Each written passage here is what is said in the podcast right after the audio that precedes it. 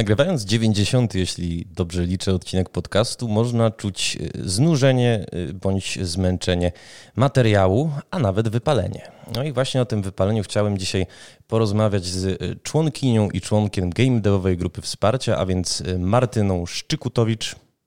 Tak, to ja. To ona, dzień dobry Martyna, oraz łączącym się zdalnie z nami Arturem Ganszyńcem. Cześć. Drogi i droga. E, chciałem wyjść od takiego zdania, które usłyszałem podczas e, konferencji na giełdzie papierów wartościowych z ust prezesa e, Bluebird Team Piotra Babieny. Ów stwierdził właściwie nic gruchy, nic pietruchy, no bo przedstawiał wyniki finansowe, plany pięcioletnie w ogóle na rozwój swoich gier. Skala depresji i problemów psychicznych w branży jest olbrzymia. Czy z taką diagnozą się zgadzacie? Ja myślę, że skala na świecie jest olbrzymia sądzę, że dopiero w naszej branży zaczynamy o tym mówić. Więc mam nadzieję, że w tym podcaście w ogóle zaczniemy o tym mówić. Mm, zaczynamy o tym w takim razie mówić. Artur Ganszyniec, y, czy coś do dodania? Y, wiesz co, no ja sam jestem ciekawy, jaka ta skala jest. Bo się opierając na takich danych anegdotycznych, czyli na rozmowach ze znajomymi o znajomych, ze znajomymi znajomych, to trudno spotkać kogoś, kto w prywatnej rozmowie nie będzie narzekał na właśnie na jakieś problemy ze zdrowiem psychicznym. Y, czy jakkolwiek byśmy tego nie ubierali w rozmowie, nie? Czy depresja, czy tam jakieś stany lękowe, czy a nie, ja to chodzę sobie na terapię, y, czy no ja tak już w zasadzie chodzę do pracy tylko z automatu, bo już dawno przestało mi to sprawiać przyjemność. No więc opierając się na takich danych anegdotycznych, to można by powiedzieć, że to jest bardzo duża skala. Ja tutaj nie chcę powiedzieć, że ona jest większa niż w innych branżach, bo to już w ogóle nie mam takich danych, ale z... myślę, że jest duża. Oczywiście no, to jest też ważna kwestia, że tak naprawdę nie badamy tego w żaden sposób. Też mam wrażenie, że dużo ludzi wcześniej później zadają sobie pytanie, kiedy możemy mówić, że mam problemy psychiczne w pracy, nie? Czy muszę być już na depresji i chodzić do psychiatry na terapię, czy te mniejsze kryzysy też są ważne, czy nie? E, I jeżeli byśmy doszli do wniosku, że te małe wahnięcia e, również są istotne, no to myślę, że zupełnie, z zupełną pewnością można powiedzieć, że to jest ogromna skala.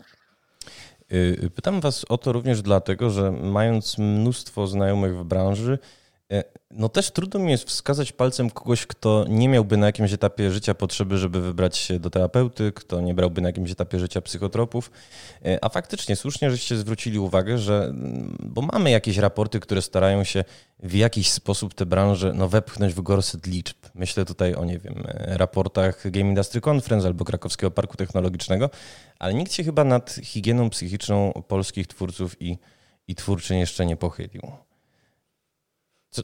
No, też mi się wydaje, że to jest takie, jest to trochę taka tajemnica Poliszynela, każdy sobie gdzieś coś sam skrobie. E, natomiast ja myślę, że ten temat będzie wypływał i zaczyna być bardzo ważny, bo to się dzieje już na zachodzie w dużych firmach. E, no tam niestety już dochodzi do dużych tragedii tak naprawdę związanych e, ze stresem i presją, które generuje ta branża.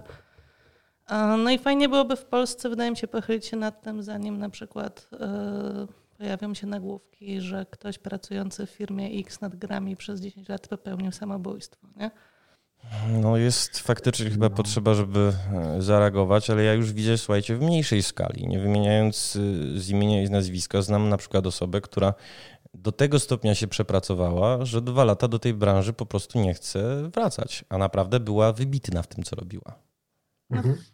Y, wiesz co, ja jeszcze, jeszcze może wrócę do tego, że nikt się nie pochyla. No mi się wydaje, że na szczęście coraz więcej osób pracujących w branży pochyla się nad własnym zdrowiem psychicznym. To jest jednak duża zmiana, taka myślę, y, y, związana ze zmianą mhm. pokoleniową, bo jak ja porównuję z tym, jak się o tym mówiło i myślało te 15 lat temu, kiedy zaczynałem, kiedy o, jak ktoś chodził na terapię, albo nie daj Boże, brał jakieś leki stabilizujące nastrój, to się raczej do tego nie przyznawał, bo, bo to trzeba było zapierdalać i gry robić, a nie tutaj mieć jakieś fanaberie. No a teraz jak rozmawiam z ludźmi, którzy w zasadzie są no, często ode mnie, no właśnie o te 15 lat młodsi, y, no to już też tak anegdotycznie patrząc, raczej mało kto ma, y, to ukrywa w prywatnych rozmowach. a, a jakie leki bierzesz? Albo nie, ja, ja teraz nie, nie, nie mogę spotkania wtedy, bo mam terapię. Czyli to się jakoś tak normalizuje. Natomiast wydaje mi się, że firmy czy całe organizacje mm, nie są na to przygotowane i wydaje mi się, że też branża jako taka wciąż bardzo dużo traci. Mówiąc traci, ja mam na myśli nie tylko pieniądze, chociaż pewno da się to przeliczyć, ale też traci na talencie na, w sumie na, na potencjale y, też y, produkcji czy dzieł, które robimy. Właśnie, właśnie przez to, w jak złym stanie jest dużo osób, które przy grach pracuje. Dla mnie wiesz, jeszcze jest szokujące coś takiego, żeby się wydawało, że te problemy E, psychiczne, czy też związane z wypalaniem, chociaż to jest powiązane, dotyczą po prostu nas już trochę starszych ludzi, czyli tych, którzy już przekroczyli tą trzydziestkę w tej branży. I można było mieć takie wrażenie, i często jest takie hasło, że o, jesteśmy już za starzy na robienie tych gier. I to jest też nad czym można by się pochylić, bo z drugiej strony no, pracuję też z dużą ilością młodych ludzi, którzy dopiero zaczynają i jestem dosyć mocno zszokowana tym, że tacy ludzie już po roku potrafią mieć dosyć na przykład pracy. Nie? w branży, e, więc to też trochę świadczy o tym, że to nie jest tak, że my się wypalamy, bo się starzejemy, już nie nadążamy za tym, tylko być może to środowisko jednak jest zbyt e, w jakiś sposób obciążające. Wiesz co, niedawno mieliśmy... Wiesz, chociaż to z tym starzeniem, y, jeszcze co z tym starzeniem, to e, coś jest na rzeczy, bo ja sobie porównuję, ja wiem, że u nas branża trwa krócej, nie? w sensie się zaczęła później niż na zachodzie. No ale jak y, ja rozmawiałem ze znajomymi z Polski, którzy wyjechali gdzieś na zachód czy do Skandynawii i mówią o swoich doświadczeniach pracy z, nie wiem, 50-paroletnimi, 60-letnimi artystami czy programistami, którzy po prostu zęby w tej branży zjedli i cały czas do niej wkładają i cały czas po prostu ta wiedza w tej branży zostaje, versus nasza branża, gdzie ja w tym wieku 45 lat, to się tak zaczynam czuć, że patrząc na rynek, to ja mam takie dwie ścieżki, albo się wypalić i pójść do innej branży, albo zostać milionerem i założyć własną firmę w dowolnej kolejności. Y, no, nie mamy jeszcze takiego modelu, takiego robot, roboczego starzenia się w game devie. Nie? Jest niewielu starych game devów. No tak, no wizytówką jest rzeczywiście Maciej, Maciej Miąsik, który się pojawia i dalej entuzjazmem zaraża, no ale też już trochę chyba produkcyjnie przeszedł na tylny fotel, jeśli się nie mylę.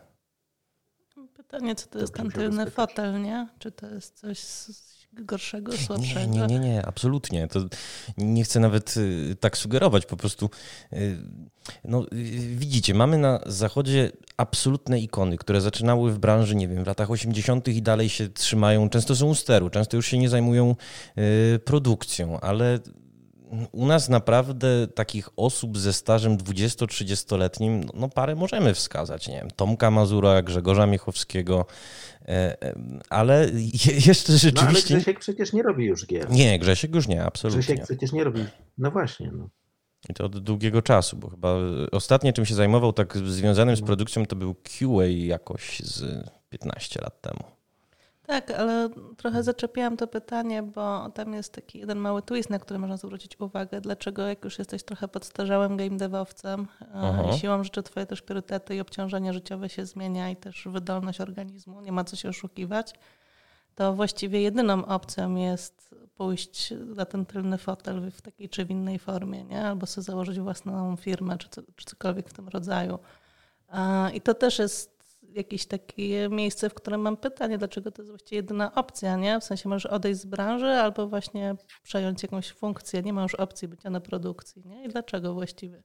Ale chyba odpowiedzieliście już trochę na to pytanie. To znaczy, ja mam wrażenie, że rzeczywiście y, o ile jednostki, zwłaszcza te jednostki 30-20-letnie są w stanie, nie wiem, ja jestem się w stanie zupełnie bez zbędnych ceregieli przyznać na antenie, że nie wiem, biorę inhibitory zwrotne, biorę leki na sen, biorę doraźnie Xanax, chodzę na terapię, nie mam z tym absolutnie żadnego problemu.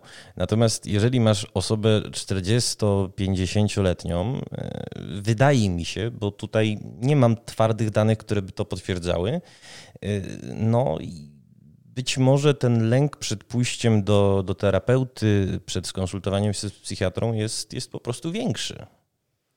Znaczy się lęk przed rozpoczęciem terapii, czy psychoterapii, czy farmakologicznej jest trochę niezwiązany z branżą, ale istnie, jest istniejącym zjawiskiem społecznym. E, I ludzie się tutaj obawiają różnych rzeczy. Ludzie się obawiają leków, e, dlatego że się od nich uzależnią, albo że zmienią ich osobowość. Z psychoterapii właściwie obawiam się tych samych rzeczy. Jest też sporo takich niefajnych kalek, nawet językowych, nie? że na przykład psychoterapeuta to jest przyjaciel za pieniądze i to już samo w sobie jest oceniające. Tak, taka stygma to jest. Tak, w bardzo mhm. negatywny sposób.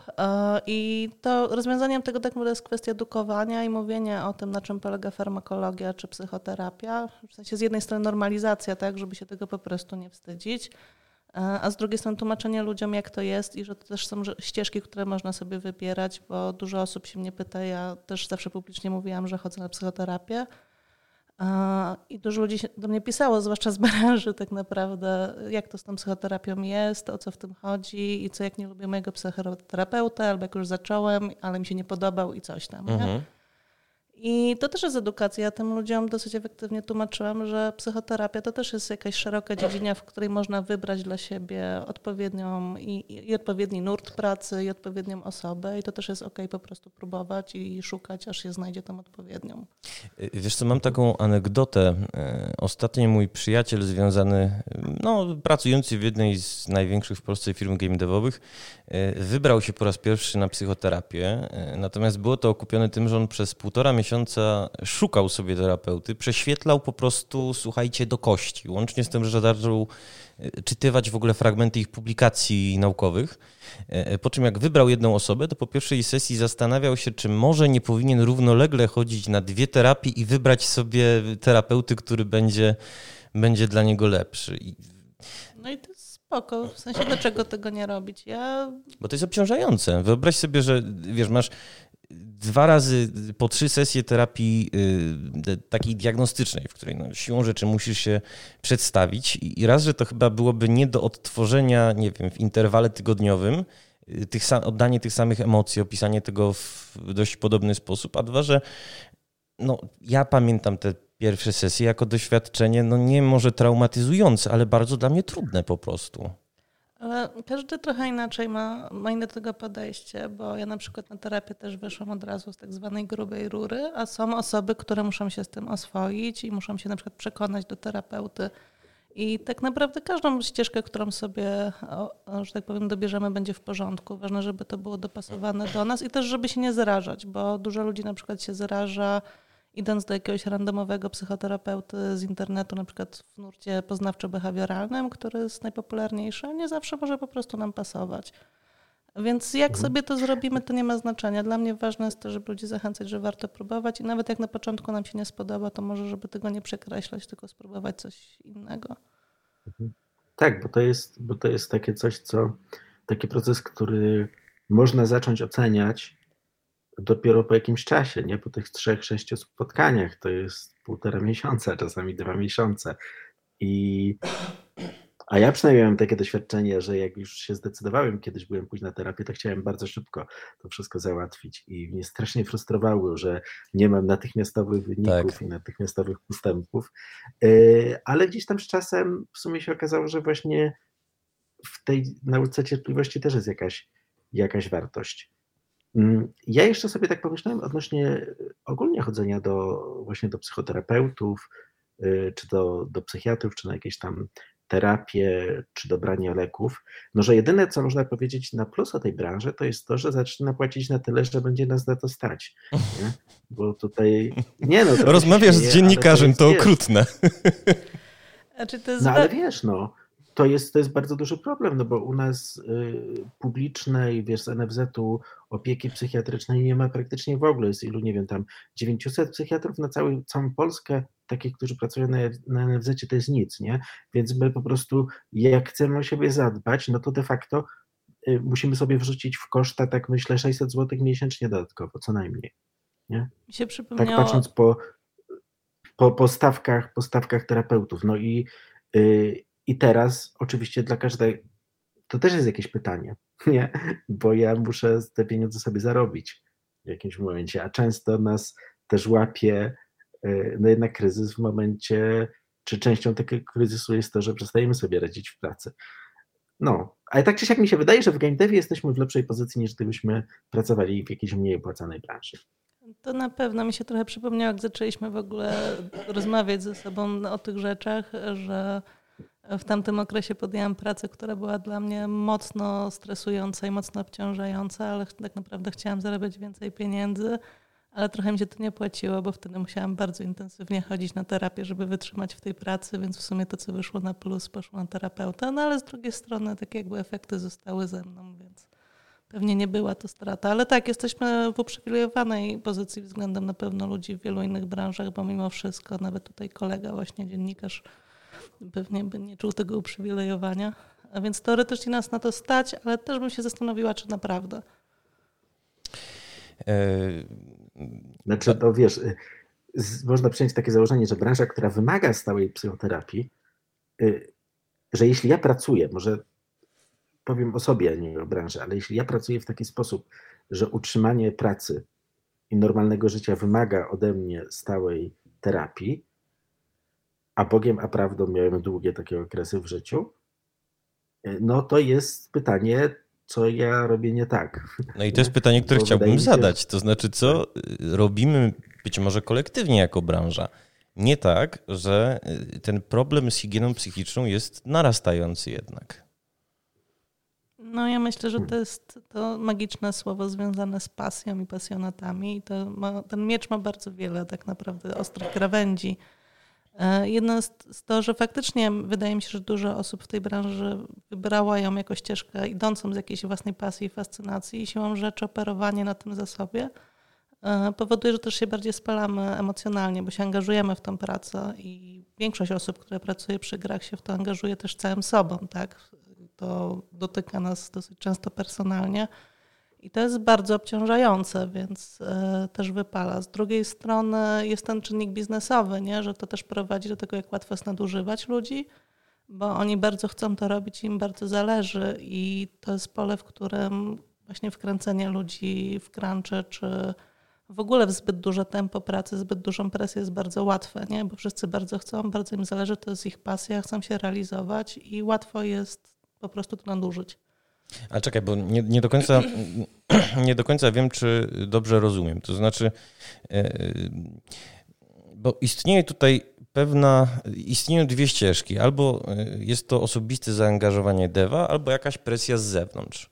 Nie, no to są dwie rzeczy, które się dzieją jednocześnie, tak? W sensie chodzi mi o to, że będąc mocno zaangażowani e, emocjonalnie w mhm. pracę, choćby dlatego, że ją lubimy i nas fascynuje, powoduje, że wszystko, co się dzieje w tej pracy, oddziaływuje na nas mocniej.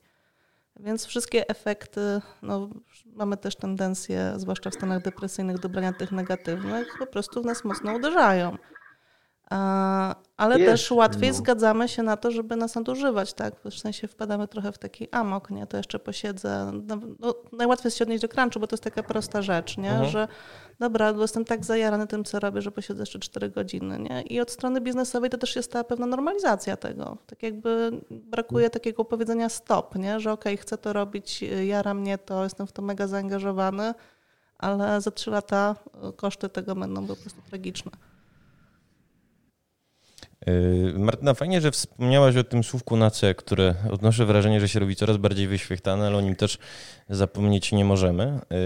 Yy, przed wejściem na antenę, jak rozmawialiśmy, to podzieliłaś się ze mną pewną anegdotą dotyczącą piątków w firmie. Mianowicie wprowadziliście swego czasu wolne piątki, to znaczy mógł sobie twórca czy twórczyni przyjść do biura i korzystać z firmowego sprzętu, ale nie był de facto zobligowany czy zobligowana do tego, żeby wyrobić jakąś normę, żeby dostarczyć jakiś efekt. Jak to wpłynęło na produktywność zespołu? Znaczy ja tutaj odpowiadam, oczywiście wtedy odpowiadam zespół graficzny, więc nie chcę też dawać jakiejś takiej arbitralnej opcji, że to nie wpłynęło nikogo. Natomiast w moim zespole e, no założenie było takie, żeby ludzie się mogli rozwijać, bo przecież wszyscy chcą się rozwijać w pracy i to miał być czas e, na ten rozwój, w sensie te wolne piątki. Natomiast wszyscy byli tak zmęczeni po właściwie roku developmentu projektu, że nikt nie chciał w piątek nic już robić. Nie? W sensie ludzie przychodzili, gapili się w YouTube i to było w ogóle bez sensu. E, więc postanowiliśmy, że po prostu te dni będą totalnie wolne. Jak ktoś chce, może przyjść sobie coś porobić, jak chce siedzieć w domu i zająć się rodziną czy sobą, też spoko. E, no i ja prowadząc ten projekt od strony graficznej, tak jakby musiałam przemodelować pod to cały plan produkcyjny i finalnie tak naprawdę w ogóle to nie wpłynęło na długość produkcji. E, oczywiście musiałam przesunąć to, ale tak naprawdę było mniej przesu przesunięć związanych z tym, że ktoś się z czymś nie wyrobił, ktoś z czymś nie dał rady, bo mimo wszystko ludzie byli trochę bardziej wypoczęci e, i też mieli więcej czasu przemyśleć to, co w ogóle się wydarzyło w ciągu tygodnia w projekcie i tak naprawdę poniedziałek przez te pierwsze dni wykorzystać ten czas po prostu w efektywny sposób i też nie, nie byli tak sfrustrowani, co ułatwia, zwłaszcza pracę kreatywną. Artur, podzielasz tę obserwację? że gdyby wprowadzić dzień taki wolny czy półwolny, to produktywność zespołu nie zmalałaby, a może by wręcz wzrosła? Wiesz co, no ja nie wiem oczywiście.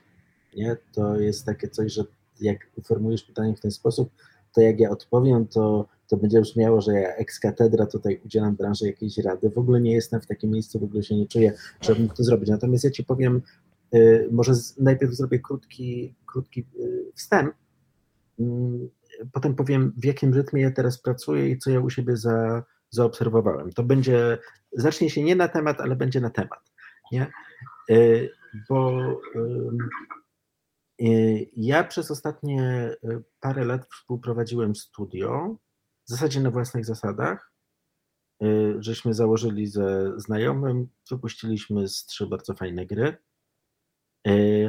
No i wiesz, nikt nade mną nie stał czy nad nami nie stał z batem i nie kazał nam pracować w jeden albo w drugi sposób. W dwójkę posadzi projekcie, czyli z dużą niechęcią do crunchu. No ale dla mnie ta praca skończyła się chyba największym wypaleniem zawodowym, jakie, y, jakie przeżyłem. I, y, I wydaje mi się, że tak z perspektywy czasu patrząc, że u mnie no problemem było takie totalny brak postawienia granicy między życiem zawodowym a prywatnym ponieważ to było coś, co było moje, czy współmoje, sam czułem się odpowiedzialny, znaczy współodpowiedzialny, ale mówię, że, że nie mhm. mogę powiedzieć, że ktoś mi coś każe, tylko że no ja czułem się odpowiedzialny i za produkt, i za wizję, i za ludzi, z którymi pracowałem. Mm. No to takie rzeczy jak a to jeszcze sobie na czacie o 9.21 pogadamy trochę, bo coś tam wynikło z produkcji. Ja w sumie cały czas byłem w pracy, to się nałożyło na jakieś takie stresujące bardzo wydarzenia z życia, powiedzmy, domowego, czy tam rodzinnego, plus pandemię, plus coś tam. Więc tak nie chcę powiedzieć, że to tylko ta praca. No ale skończyło się tak, że jak gdzieś tam mniej więcej od marca zeszłego roku to już, e, to już praktycznie nie byłem w stanie pracować i wiesz, nasiliły mi się strasznie stany lękowe, jakieś takie depresyjne, z którymi ja zawsze miałem jakiś problem. E, wylądowałem na, znaczy w sensie, no, zdecydowanie się w końcu brać poważniejsze lekarstwa niż brałem do tej pory. No ale potem w sumie jedynym rozwiązaniem było to, że sobie musiałem zrobić przerwę. No i w efekcie tego się wycofałem z tamtej spółki y, i na szczęście jakoś tak mi się udało to wszystko załatwić, że w sumie miałem suma summarum no tak 9 miesięcy wolnego, gdzie ja po prostu siedziałem w domu i się mogłem skupić nad tym, żeby się doprowadzić do porządku. Mhm. I były takie momenty, kiedy ja się zastanawiałem, czy ja wrócę do branży bo spojrzałem sobie wstecz na, na taki rytm mojej pracy i widziałem, że w każdej kolejnej pracy, w której pracowałem, ja pracowałem, no tylko ja tego nie widziałem wtedy. Ja to teraz mogę jako mądry człowiek, po wiesz, sześciu latach terapii i już w sumie, wiesz, no starszy, czyli z jakimś tam doświadczeniem życiowym, to mogę sobie na to spojrzeć. No ale ja w każdej z tej pracy pracowałem wydając więcej energii niż miałem. I każda z tych pracy kończyła się jakimś burnoutem. Czy on się objawiał, wiesz, jakimś wypaleniem, czy to się mhm. objawiało jakąś kłótnią, po której ja odchodziłem, czy czymś takim, czy mnie zwalniano, no to różnie było. Y, ale jednak w każdej kolejnej pracy ja się doprowadzałem do ściany, tylko nie myślałem, że to jest to. Nie? Mi się wydawało, że to warunki obiektywne.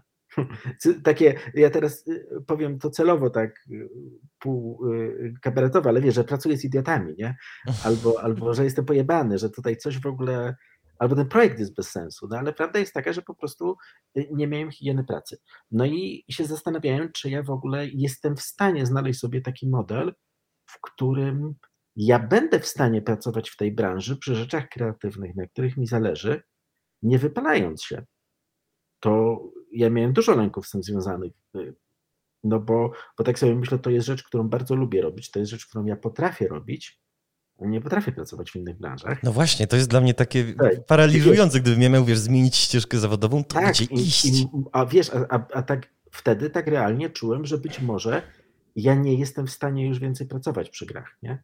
Y, no i teraz, y, teraz ja sobie ustawiłem y, tak pracę, że po pierwsze pracuję zdalnie przez większość czasu, co mi ułatwia jakoś, no zdejmuje część jakiegoś takiego szumu, wiesz, takich stresorów jakichś, nie, na które nie mam wpływu. Pracuję w jakimś takim kontrolowanym swoim środowisku i pracuję tylko trzy dni w tygodniu.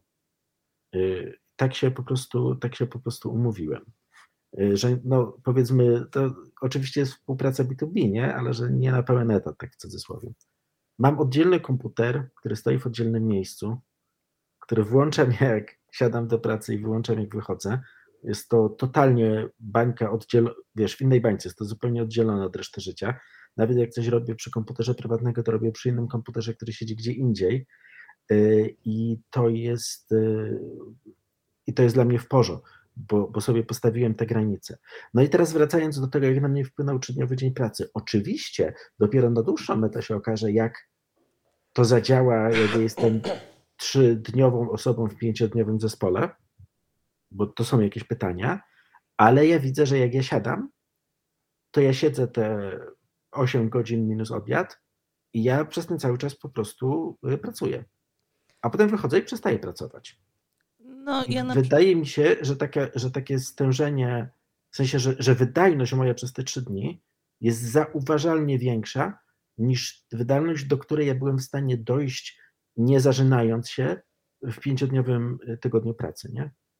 No bo pytanie trochę było, y, czy jest rozwiązanie systemowe i właściwie to, co Garnek opowiada, jest mega istotne, bo tak jakby każdy z nas musi sam wypracować sobie swoje mechanizmy, żeby o siebie zadbać i tutaj warto się też edukować i rozmawiać z innymi, bo to jest mega ważne i tego żadne rozwiązanie systemowe typu, tak jak, nie wiem, mamy owocowe piątki czy tam czwartki w firmach, to wolne piątki też nie spowodują, że nagle wszyscy przestaną mieć depresję. E, natomiast jest pewna, dla, dla mnie to jest kultura pracy trochę też oparta, oparta może o większe zaufanie, skoro mamy tych pasjonatów, którzy tak jak Garnek lubi to, co robi i chce to robić. Ja też bardzo lubię to, co robić, swoją robotę, nie? E, ale ja od dwóch lat pracuję w takim systemie, że nie pracuję cały tydzień. Po prostu nawet nie, nie wyobrażam sobie trochę, żeby mogło tak być i też mam wrażenie, że moja wydajność jest lepsza, moje mhm. pomysły są lepsze, ja jestem mniej sfrustrowana przede wszystkim, bo nie jestem zmuszona dzień w dzień siadać i być kreatywna. E, mam tę elastyczność, która pozwala mi mieć gorszy dzień, e, ale to nie jest dzień bezproduktywny, bo tak naprawdę dając odpoczynek swojemu umysłowi, czy tocząc inne życie poza pracą, E, gdzie zbieram bodźce i doświadczenia, czy, czy czasami ogram inną grę, powoduje, że jeżeli siadam następnego dnia do jakiegoś problemu związanego z projektem, to mam świeżą głowę i o wiele więcej energii to rozwiązać. Tak naprawdę dużo, dużo czasu pracy marnujemy na zastanawianie się, jak coś rozwiązać, a najlepszym rozwiązaniem jest od tego odejść. I w warunkach takiej pełnodatowej pracy, gdzie siedzimy w biurze i musimy tam być i musimy pracować, bo mamy taki etos, E, to tak naprawdę nic się nie wydarza. No, rośnie tylko frustracja i to jest trochę niedocenienia tego czasu, ile w tej pracy tak naprawdę wymaga myślenie i pewien taki wewnętrzny luz, bo mhm. wydaje mi się, że dopiero mając tą wewnętrzną przestrzeń jesteśmy w stanie wymyślać fajne rozwiązania, niezależnie od tego, czym się w branży zajmujemy. No w ogóle, w ogóle Martyna, to co powiedziałeś o tym daniu sobie przestrzeni i pograniu w inne gry i maniu innego życia, no to dla mnie to jest, ja dopiero niedawno to zacząłem zauważać, to jest taki kluczowy element tego, żeby być kreatywnym. I ja nie mówię tutaj kreatywny jako, o jestem, wiesz, wielkim twórcą, siedzę na obłoku i tutaj muzy mi do łóżka, tylko chodzi mi o to, że jestem w pracy, jestem fachowcem i muszę rozwiązywać problemy, które są nieszablonowe, a taka jest nasza praca każdy w game devie pracuje w miejscu, gdzie musi być fachowcem, który rozwiązuje nieszablonowe problemy.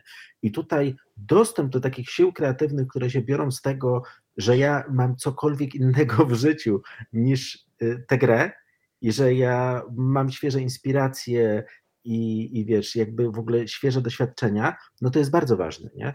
A jak się pracuje za dużo, to, to się pozbawiam tego pozbawiam się tej, tej jakby drugiej nogi, nie? tego dopływu energii, dopływu inspiracji. Y, podpisuję się pod tym, co mówicie y, obiema rękoma. Ja dorzucę z mojego ogródka, y, że Zauważam, słuchajcie, że jeżeli mam faktycznie taki tryb pracy, jak na przykład teraz, bo teraz pracujemy bardzo intensywnie nad drugim wydaniem papierowego magazynu, no to siedzę w pracy po kilkanaście godzin, jestem skupiony często na jakichś kwestiach technicznych, a nawet jeżeli realizuję swój tekst, to, to nie jest tak, że nie wiem, mam jakąś eksplozję kreatywności, tylko raczej korzystam sobie z tych klocuszków, które gdzieś tam już przez kilkanaście lat pisania wypracowałem. Natomiast wydaje mi się szalenie ważne, e, żeby mieć przestrzeń, żeby, nie wiem, poczytać prasę, poczytać książki, e, zachwycić się w ogóle jakimś kawałkiem tekstu, bo to też de facto jest szalenie rozwijające i i, i też jakichś kompetencji przydaje. Natomiast nie wiem, czy mieliście kiedyś tak, bo ja się złapałem na tym rok temu, jak miałem no chyba najgorszy w ogóle okres pracowy w życiu, że ja w ogóle zacząłem rozrywkę uprawiać wyczynowo. To znaczy, mam nagle raptem, nie wiem, parę godzin, więc chcę przeczytać trzy książki, obejrzeć e, cztery filmy i jeszcze pograć w 15 gier i zaliczyć wszystkie premiery teatralne w, w krótkim e, okresie, po prostu. I to też wychodziłem po prostu, słuchajcie, zmęczony z tego relaksu jeszcze bardziej niż kiedy do niego przystępowałem. Co, to Wiesz co? A Martyna, dobrze. Bo tam jest jeszcze taka jedna pułapka. Ja tak miałam, jak jeszcze byłam grafikiem. Mhm. Zaczęłam być grafikiem, jak rzuciłam grafikę w game devie. Dlatego, że jak już miałam tam wolny czas i te siły jakby kreatywne i psychiczne, żeby jeszcze po pracy coś porysować, to ja nie rysowałam tego, co chciałam, albo tego, co by mi sprawiło przyjemność, czy dało jakąś ekspresję mojej kreatywności, tylko miałam, czułam się zobowiązana, że muszę rysować takie rzeczy i w taki sposób, które będą rozwijać mojego skilla. W związku z tym przez pięć lat totalnie znienawidziłam rysować, co tak naprawdę było moją wielką pasją. I, i myślę, że tak samo z, z ogrywaniem gier, to na naszej grupie też się pojawiło, nie? że gram w gry, bo czuję, że muszę. Mhm. Bo to jest związane z moją profesją, więc tak. nawet dojście do tego też wymaga pewnej przestrzeni, dania sobie pewnego luzu, nie? Tak i nawet wiesz, ja tylko jednym zdaniem uzupełnię y, adwocem, że ja się na przykład złapałem na tym, że z racji profesji ja nawet nie tyle ogrywam całość tej gry, tylko chcę po prostu uchwycić tyle, ile uznaję, że wiesz, y, pozwala mi poznać ten tytuł, jego mechanizmy, wiedzieć o czym mówię. No, żeby wiedzieć o co chodzi, nie? Tak, co ale nie, nie czerpię z tego przyjemności, po prostu poznawczo chcę się nasycić i cześć pa. Wiesz, tak jak mówiłeś o tym wyczynowym wyczynowej rozrywce. Mhm. Konsumowaniu rozrywki. Y, ja nie wiem, to mi bardzo takie się to znajome wydało. Y, tylko ja teraz wiem, że u mnie to już jest oznaka zbliżającego się wypalenia. To znaczy, bo ja tak miałem, jak pracowałem y, w CD Projekcie, kiedy crunchowałem, to bardzo często ja wracałem do domu i na przykład nie mogłem zasnąć, więc nie wiem, przeczytałem na przykład dwa kryminały, zanim poszedłem spać, nie? E, albo wracałem do domu, znaczy zamykałem komputer, y, przesiadałem się na drugie biurko, otwierałem komputer y, i binge'owałem serial.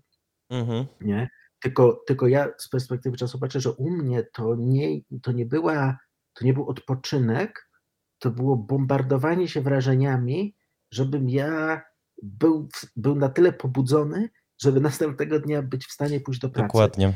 I wiesz, ja od kiedy się nauczyłem czytać, tam nie wiem, wiem, może z pięć lat czy coś takiego, to ja praktycznie cały czas czy, zawsze czytałem jakąś książkę. Nie? W sensie to jest taki mój podstawowy sposób y, konsumowania świata.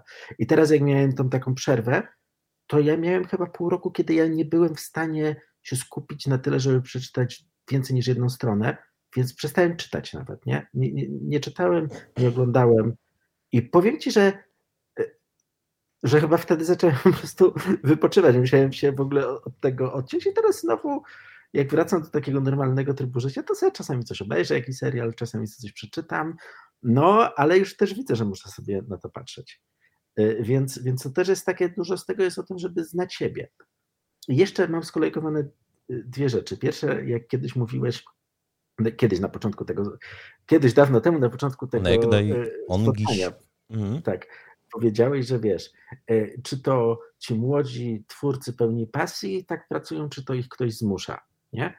No, że to jest taka śliska sprawa, jak, jak Jedno i drugie. Odwołam, znowu się odwołam do matki wszystkich anegdot, czyli mojej pracy przy pierwszym Wiedźminie, no to nikt mnie dos, tak dosłownie nie zmusił, żebym siedział 36 godzin przy komputerze nie wstając, czy wstając tylko na siku, a zdarzyło mi się takie coś. Sam to chciałem zrobić, ale to, że chciałem to zrobić, żeby z czymś zdążyć, wynikało z tego, jak były ustawione terminy, jak nam szła produkcja i tego, że nikt mi nie kazał pójść.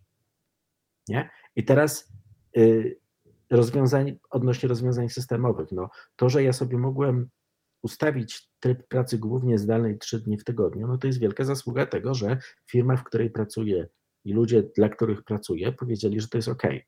Nie? Ale wiesz, że Garnek, też miałeś zdefiniowaną tę potrzebę i wyszedłeś z tak. tą propozycją, nie? To wymaga odwagi i właśnie tej świadomości, bo jak masz tak. ten start, to możesz wtedy podjąć rozmowę z pracodawcą, czy to jest możliwe, nie? Tak, tak, to jest bardzo ważne, co powiedziałeś, bo ja dopóki się tak spektakularnie w zeszłym roku nie wypierdoliłem, to ja bym w życiu się nie odważył o to poprosić. Bo bym pomyślał, że, że wiesz, tu trzeba gry robić, a nie być starszym panem. Tylko wiesz co, y, wydaje mi się, że to jest też pewien właśnie nie przywilej, tylko przekleństwo wieku. Ten y, modne ostatnio pojęcie fear of missing out. Ja na przykład, zdarzyło mi się kiedyś w mojej byłej redakcji siedzieć od poniedziałku do czwartku. Pamiętam, że wtedy miałem kartę multisporta i chodziłem brać prysznic po prostu po sąsiedzku, bo cały czas był zapieprz, bo cały czas się czułem wewnętrznie zobligowany, że, bo, bo, z jednej strony mamy pewne zobowiązania względem, nie wiem, drukarni, względem czytelnika, względem wydawcy itp., ale przypuszczalnie mógłbym oddać część tej pracy, część tych tematów komu innemu, ale ja je chcę wszystkie zrobić, ja się chcę wykazać, ja chcę sobie, nie wiem, zbudować y, nazwisko, chcę mieć wiedzę, chcę mieć kontakty. I strach, że mogę coś utracić, nawet jeżeli to obiektywnie nie, nie przynosi mi takiego, nie, nie, przynosi mi dużego zysku, był za duży. Wolałem już naprawdę się zażynać i, i, i siedzieć faktycznie cztery dni ciurkiem, nocując na biurku. Wiesz, ja, wiesz, ja myślę, że wszyscy mają na starcie takie motywacje, nie? I, yy, I tak naprawdę tylko my sami sobie możemy z nimi poradzić. Ja uważam, że no, tak jakby wiek daje ci to, że, że sam twój organizm wymusza na tobie zmianę podejścia. Yy, a z drugiej strony no, mamy tych młodych ludzi, może dałoby się im powiedzieć, ej, uważajcie na siebie, bo jak dojdziecie do naszego wieku, to skończycie w ogromnym kryzysie i nie będzie lepiej. Mhm. No to jest, to jest coś takiego, że ja z jednej strony uważam, że to jest ważne, żeby każdy mógł sobie decydować o tym, jak chce sobie układać karierę. I, I to jest, wiesz, normalny, taki zdrowy element w sumie, że ja podejmuję jakieś ryzyka, albo że ja coś dużo inwestuję. Tylko jeżeli wszyscy dookoła mi mówią, bardziej doświadczeni, albo nie wprost przekazują swoim zachowaniem, to jest ok, to jest zupełnie ok. Wszyscy tak robimy, to jest nawet cool, versus sytuacja, w której ktoś by mi powiedział, widzę, że dużo pracujesz, no y, to może się skończyć tym, że za pięć lat nie będziesz już robił tych gier, które tak lubisz robić, bo nie będziesz w stanie. Y, bo, bo po prostu no nie wiem, one nie będą ci już sprawiać, będziesz musiał się, będziesz musiał być juniorem w innej pracy. Tylko Garnek, nie? trudno to komuś wytłumaczyć ze względu na to, że jeżeli Ale... jesteś, wiesz, taki przebodźcowany, to ty się przecież czujesz Bogiem. Twoja produktywność w pewnym momencie Oczywiście. sięga naprawdę, no, Olimpu, Parnasu i, i nie wyobrażasz sobie, że mógłbyś z tej góry zlecieć. Oczywiście, no ja jednak, ja jednak uważam, że y, wiesz, jeśli, znaczy, bo w moim idealnym świecie to ta branża zachowuje wiedzę i co teraz, a teraz stracimy olbrzymie ilości zdolnych ludzi, na, co najmniej na poziomie firm. Mhm. Po prostu firmy są, w naszej branży są jak ludzie z, wiesz, z problemami z pamięcią, nie? Bo, bo co chwilę ktoś odchodzi i firma zapomina, już nie ma czegoś takiego jak firma, ale zespół traci duże kompetencje, bo ludzie odchodzą, bo są wypaleni albo bo są niezadowoleni. I oczywiście jakaś rotacja jest zawsze, ale ta wiedza bardzo rzadko zostaje w firmie. No w takim moim idealnym świecie to y, ludzie w organizacji czy w branży wzajemnie się uczą. Nie? I jednak ja jako osoba, która ma doświadczenie i przeszła już jedno, drugie czy trzecie załamanie, no to tak trochę sobie myślę, że to jest trochę moja robota, żeby mówić że są takie możliwe konsekwencje, a nie mówić, dobra, jesteś młody, zapierdala, ja będę miał z tego więcej pieniędzy. Znaczy się bym tu chciała coś wnieść, bo ja czasami bywam szefową i czasami też zatrudniam ludzi.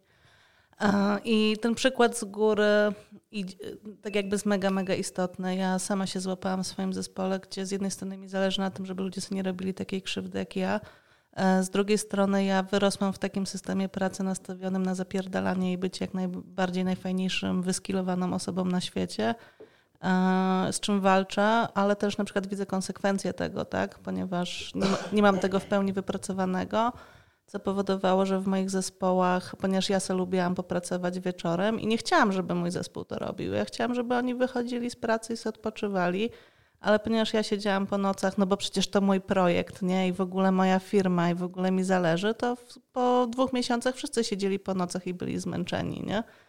E, I tu znowu zwracamy do tego, że raz, że jest odpowiedzialność i tutaj to doświadczenie starszych ludzi to jest właśnie ten wzorzec, tak, jaki możemy dawać, ale bez zadbania o samego siebie i o swoją własną higienę zawsze będziemy właśnie przekazywać też dalej takie patologiczne zachowania. I ja na przykład z tym walczę z oporem, bo potrafię wpaść ciągle w amok, że ja, ja będę robić teraz dwie noce, bo, bo ja chcę i przecież nikt mi nie każe, ale ja chcę, więc mi wolno, nie? Ale to ma konsekwencje na osobach, z którymi pracuję, które potem na przykład też siedzą po nocach, a może nie chcą.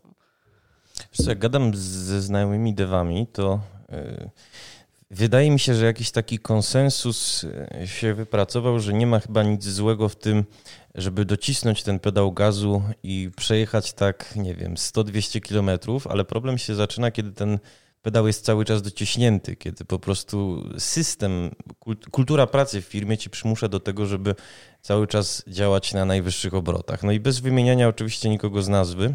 E, uważacie, że jeżeli jest firma, która przez lata źle budowała swoją kulturę pracy, która traktowała, nie wiem, QA-ów jak mięso armatnie, w której e, przychodzenie w systemie zmianowym pracowanie po 12-14 godzin, również w weekendy, jest de facto wpisane w jej codzienne funkcjonowanie, to czy ona jest w stanie tę kulturę łatwo zmienić? Wiesz co, ja uważam, że jeżeli ten powiedzmy najwyższy management w małych firmach to mogą, może być jedna osoba tak naprawdę, E, sama nie zmieni w ogóle swoich postaw i podejścia do pracy, to żadne sztuczki z wprowadzaniem jakichś fikuśnych systemów zarządzania i, i owocowych piątków tego nie rozwiąże. Nie? Ale czy rynek nie wymusza trochę tego, żebyśmy pracowali coraz, żebyście wypracowali coraz więcej? Bo y, y, zauważ, że jeszcze parę lat temu rzeczywiście zespół pracował od gry do gry, a teraz mało jest nawet w Polsce teamów, które by Mm, pracowały tylko nad jednym projektem. Co więcej, przecież jeżeli już nawet się dowiezie to, co się ma dowieść, no to trzeba załatwić DLC i popremierowe wsparcie, łatać intensywnie cały czas, wiesz, być na, działać na wysokich obrotach. To jest Wiesz mega co? problem. My na grupie mieliśmy fajną dyskusję na ten temat, że dużym problemem w game devie jest to, że za nagrodą za dobro, dobrze wykonaną pracę jest jeszcze więcej pracy, nie? Juhu. Wiesz, y, ty tam coś mówiłeś o tym, że 200 kilometrów i potem zwalniamy. No mi się wydaje, że jednym z problemów jest to, i to nie tylko w takich, wiesz, tych wielkich, strasznych firmach, które crunchują, że jak ja y, pojadę 200 km z gazem do dechy, to jakoś tak to jest ustawione w, w tym game devie, że ja potem nie pozwalam sobie y, odpocząć, czyli zatrzymać samochodu i wyjść. Nie. Dla mnie odpoczynkiem jest to, że ja mogę wrócić do normalnej pracy po 8 godzin. I oczekiwania, wiesz, od, od, od ludzi innych w zespole, no jak to, już nie crunchujesz? Jak to, jak, po co ci teraz dwa tygodnie? Przecież nie mamy zaplanowanego teraz dwóch tygodni wolnego, nie? Wiesz, no crunchowałeś, no powiedzmy dostałeś pieniądze za nadgodziny, to what's the problem? Y, I, i wiesz, co chodzi, że, że, że w, w ogóle czasami te rytmy pracy są tak, tak abstrahują od tego, że jak się zmęczę, to muszę odpocząć, a nie po prostu się zacząć mniej męczyć. I mi się wydaje, że jedyną taką, czy jedną z szans na zmianę w branży jest to, że zaczną się tworzyć miejsca pracy, gdzie się będziesz mniej wypalał, albo firmy w warunkach konkurencji, która teraz, wiesz, teraz naprawdę trudno dostać specjalistę. I, mhm. I ja mam taką nadzieję, że w końcu ludzie podejmujący decyzje zdążą, zaczną zauważać, że specjaliści i wiedza im wypierdala po projekcie. Y, i że to są bardzo duże koszty, które coraz trudniej uzupełnić. Tak, gadaliśmy dokładnie o tym przed, Przed audycją z Martyną. No właśnie, nie? No bo, bo, bo to jednak o to chodzi. Ja kiedyś usłyszałem od kogoś, kto wiesz, prowadzi firmę, takie powiedzenie, no ale sukcesem, yy, prawdziwym sukcesem nie jest to, żeby dowieść grę na czas. Prawdziwym sukcesem jest to, żeby potem nie odeszła połowa zespołu. Tak, żebym ja zachował tę wiedzę, ten know-how i mógł zrobić w, w miarę przewidywalny sposób kolejny produkt.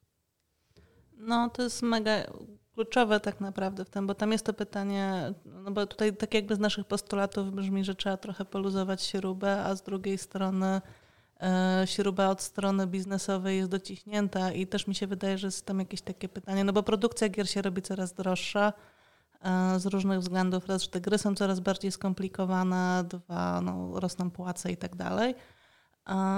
Tylko też pewnie może się tam pojawić pytanie, że skoro być może się nie opłaca robić tych gier, to może po prostu się ich nie opłaca, nie? I dojeżdżanie ludzi, zmuszając ich do na przykład bezpłatnych crunch, chociaż wydaje mi się, że to zjawisko jest już coraz rzadsze tak naprawdę. Tak. To może po prostu nie jest dobrze zrealizowany biznes, nie? W sensie, jak, jak możemy myśleć o długoterminowym biznesie w kontekście, w którym właśnie połowa zespołu odchodzi, zabierając swoje doświadczenie, a, a zostaje do, do release'u dla premii. Tak, no, no bo jest przeszantażowana tym na przykład, tak. nie? bo nie będzie ich w kredytach. No i to jest jakiś model, na którym funkcjonowaliśmy jakby przez ostatnie lata, ale on już nie będzie działał. E, zwłaszcza, że no my na przykład z Garnkiem obydwoje jesteśmy trochę dociśnięci, w sensie jak nie będę pracować w game devie, to gdzie? Ja po swoim kryzysie zawodowym byłam przekonana, że już nie będę pracować w game devie, że ja po prostu już nie dam rady, to jest po prostu niemożliwe dla mnie. E, I przy takim kryzysie zderzasz się ze ścianą skrajnej paniki, co innego będziesz robić. E, natomiast wydaje mi się, że młodsi ludzie mają tutaj już pewne perspektywy. E, na wielu stanowiskach pewnie można już coś kombinować, więc oni będą odpływać. I też uważam, że to jest zdrowe nawet na początku kariery zastanawiać się, co, co będę robić, jeżeli na przykład okaże się, że game dev nie jest dla mnie, nie? Albo się, albo się wykopyrtnie, no ciężko powiedzieć. Słuchajcie, znamy na pewno wszyscy ludzi, którzy, nie wiem, przeszli do IT czy do jakiejś spokojniejszej branży. No u mnie akurat na moim poletku jest dość e, regularny odpływ ludzi w kierunku PR-u. To się dzieje, no i tracimy naprawdę bezcenne czasem talenty przez to, że nadmiernie je eksploatowaliśmy. Bardzo smutna konstatacja, ale drogi i droga, bo mamy już wcale niewiele czasu, a chciałem się Was jeszcze dopytać o. Wydaje mi się ważną rzecz. To znaczy, e, mieliśmy doniesienia ze strony e, dużych anglosaskich zazwyczaj mediów o problemach z higieną pracy i w zespole, który pracował nad Mortal Kombatem e, i w ekipie odpowiedzialnej za Red Dead Redemption 2, w Telltale'u przecież. No już nie wspominając o naszym rodzimym Cyberpunku 2077 reakcja odbiorców jest de facto albo zerowa, z tego co ja dostrzegam, albo pojawia się nieśmiertelny argument, że jeżeli im się nie podobało, to przecież mogli zmienić pracę. Co właściwie my możemy zrobić, żeby uwrażliwić odbiorcę waszych gier na to, że no, może być. Y, może wam się dziać w środowisku pracy, mówiąc wprost i nie uciekając od tego określenia, krzywda. Wiesz co? Mów, Martyna ja jak zaczęłaś o tym mówić, to zaczęłam, spróbowałam przynieść samą siebie w inne miejsce, nie? No bo jestem bardzo wrażliwa na problemy w mojej branży. E, wydaje mi się, że najbliższą nam branżą jest branża firmowa, e, filmowa uh-huh. i tam ludzie są pewnie traktowani jeszcze gorzej niż w game devie i jeszcze gorzej opłacani w wielu miejscach i czy ja konsumując e, filmy i seriale się nad nimi rozczulam, no, nawet mając o sobie zdanie jako empatycznej i wrażliwej na tej problem osobie, to szczerze powiem, że nie. I nie wiem. A, wybacz, wejdę ci w słowo, ale rzadko się zdarza, żebyśmy słyszeli o tym, że e, jest na przykład, nie wiem, kryzys, bo nadwyręża się czyjeś zdrowie, zmusza się kogoś do pracy ponad siły na planie filmowym i dzieje się Myślę, tak nie bez przyczyny. Bo... Nie słyszysz tylko dlatego, że o tym nie słyszysz po prostu. Nie, to znaczy, Artur, y, ma jednak branża filmowa. Jasne, zdarza się, bo mówimy cały czas o y, branżach kreatywnych. Może się to dziać, ale wydaje mi się, że z racji tego, że film ma trochę dłuższą tradycję e, i no nie wiem, chociażby związki zawodowe, chociażby procedury, to nie dzieje się to na taką skalę. No, w polskiej, ja myślę, że się w dzieje. polskim filmie, znaczy w polskiej branży filmowej to będzie szybki off-topic, akurat y, powstaje związek zawodowy właśnie z tego powodu. Z tego, jak, jak, jakie są standardy pracy przy polskich, przy polskich filmach. Ale odłóżmy to gdzieś na bok. Dobra. I mnie jako twórcy tak naprawdę mam, pomyślałem sobie, ja mam wyłożone, co na temat higieny mojej pracy y, myślą i, i piszą moi odbiorcy. Oni, oni nie są moimi współpracownikami, nie są od tego, żeby mi się dobrze pracowało. Od tego, żeby mi się dobrze pracowało, to jestem ja. Y, ludzie ode mnie z branży y, i pole do negocjacji jest z moim szefostwem. No, no, Tylko to by ci wręczyło ja do ręki, Artur. Ja nie wierzę w bojkot konsumencki, w sensie... Nie, absolutnie nie, tylko... Więc wiesz, no jedna kwestia. Wydaje mi się, zróbmy sobie taki eksperyment myślowy, że gdyby... Bo mam wrażenie, że to jest pytanie, że to, że to jest pytanie, y, że tak oczekiwałeś jakiejś odpowiedzi, że tutaj masz jakiś morał, który chciałbyś od nas usłyszeć, a to ja mogę mieć inną opinię. Na Niekoniecznie. Nie, nie, nie. Absolutnie nie przesądzam tutaj o kształcie waszych odpowiedzi. Po prostu jak teraz nad tym myślę, to wydaje mi się, że w idealnym świecie y, taka, no nawet nie bojkot, bo w bojkot konsumencki też nie wierzę, ale groźba utraty reputacji, groźba e, nadszarpnięcia zaufania e, byłaby dla szefostwa no, sygnałem, że coś należy zmienić. Znaczy, bo to jest głosowanie portfelem, nie? I możemy sobie w to wierzyć albo nie wierzyć. Ja słabo to widzę. Myślę, że każdy na pewnej skali słabo to widzi, chociaż byłoby pewnie fajnie, nie? Gdyby ogromna grupa ludzi po prostu nie kupowała gry, bo, bo, bo ludzie, którzy im robili, byli potraktowani bardzo źle. Jak tak się wydarzy, to super, ale przerzucanie odpowiedzialności za wewnętrzny syf e, w produkcji gier na ludzi, którzy po prostu są, no dla nich to jest rozrywka, e, no niewiele wnosi tak naprawdę. I czy, czy powinniśmy tego oczekiwać od nich? No, ja, ja Martyna tutaj powiedziałeś słowo odpowiedzialność, to jest tak samo, jak ja to widzę. W sensie, to nie jest odpowiedzialność konsumentów mojej pracy, żeby mi się dobrze pracowało. Nie? Ja, ja dużo bardziej wierzę w organizowanie się ludzi, którzy pracują. I, I wiesz, i w branie odpowiedzialności y, za to, jak się traktuje siebie w pracy. Nie? Siebie nawzajem, ale też siebie, siebie samego. No bo ja jestem dorosłym człowiekiem. Jak ja będę czekał, że jakiś, y, wiesz, oddolny ruch jakichś ludzi w Stanach spowoduje, że w Polsce zaczną mi lepiej płacić albo mniej będą crunchować, to jest trochę takie weźmy się i zróbcie, nie? To ja umywam ręce i mówię, niech mnie ktoś uratuje.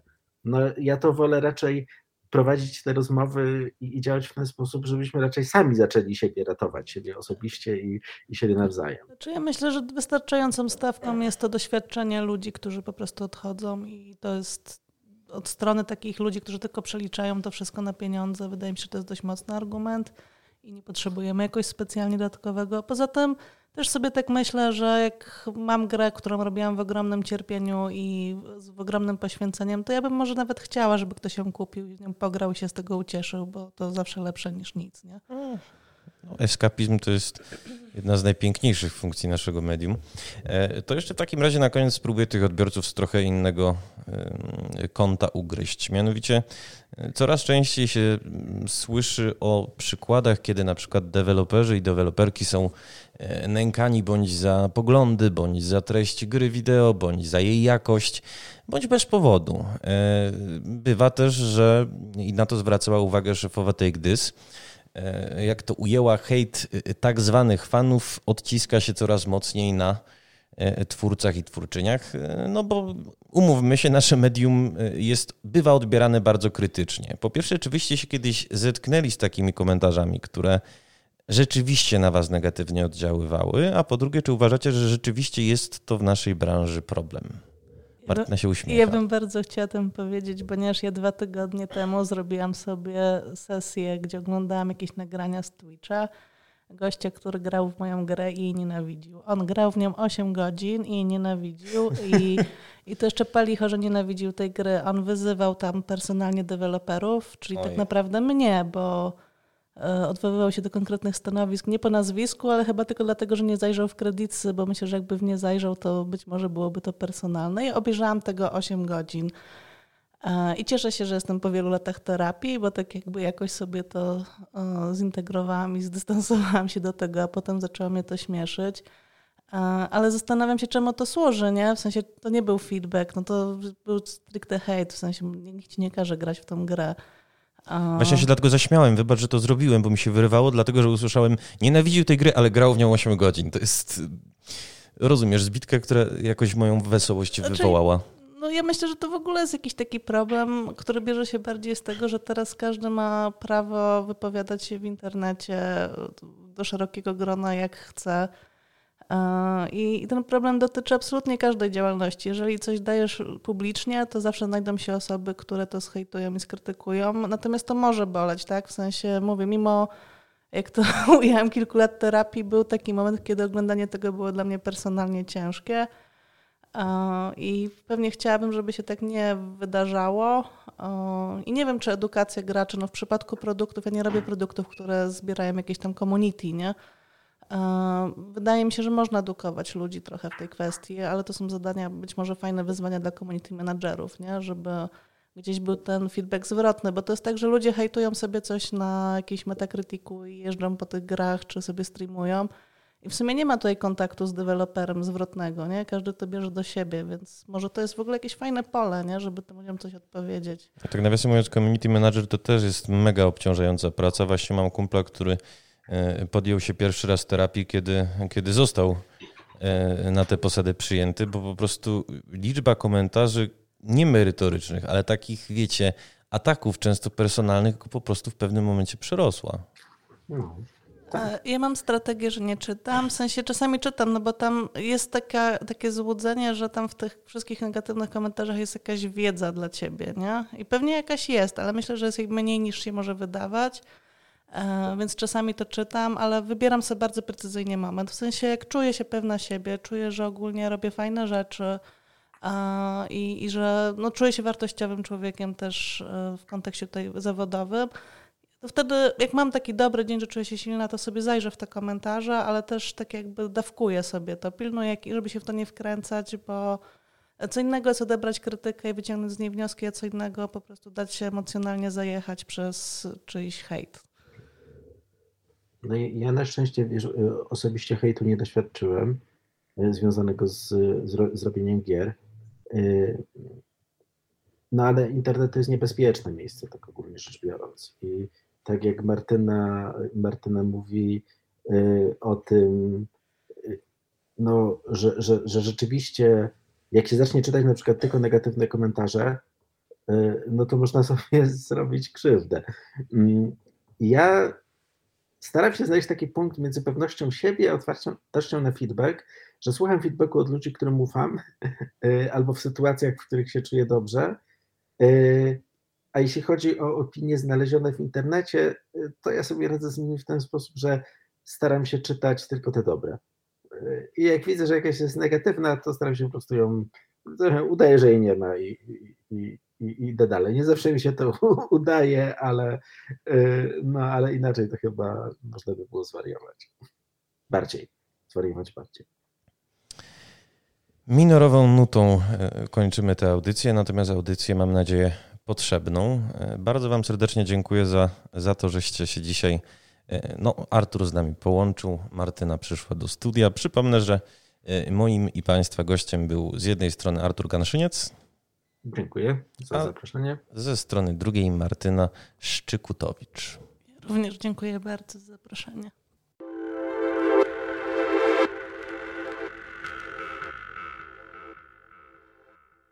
Audycji wysłuchaliście dzięki wsparciu State of Poland i KGHM Polska Miedź.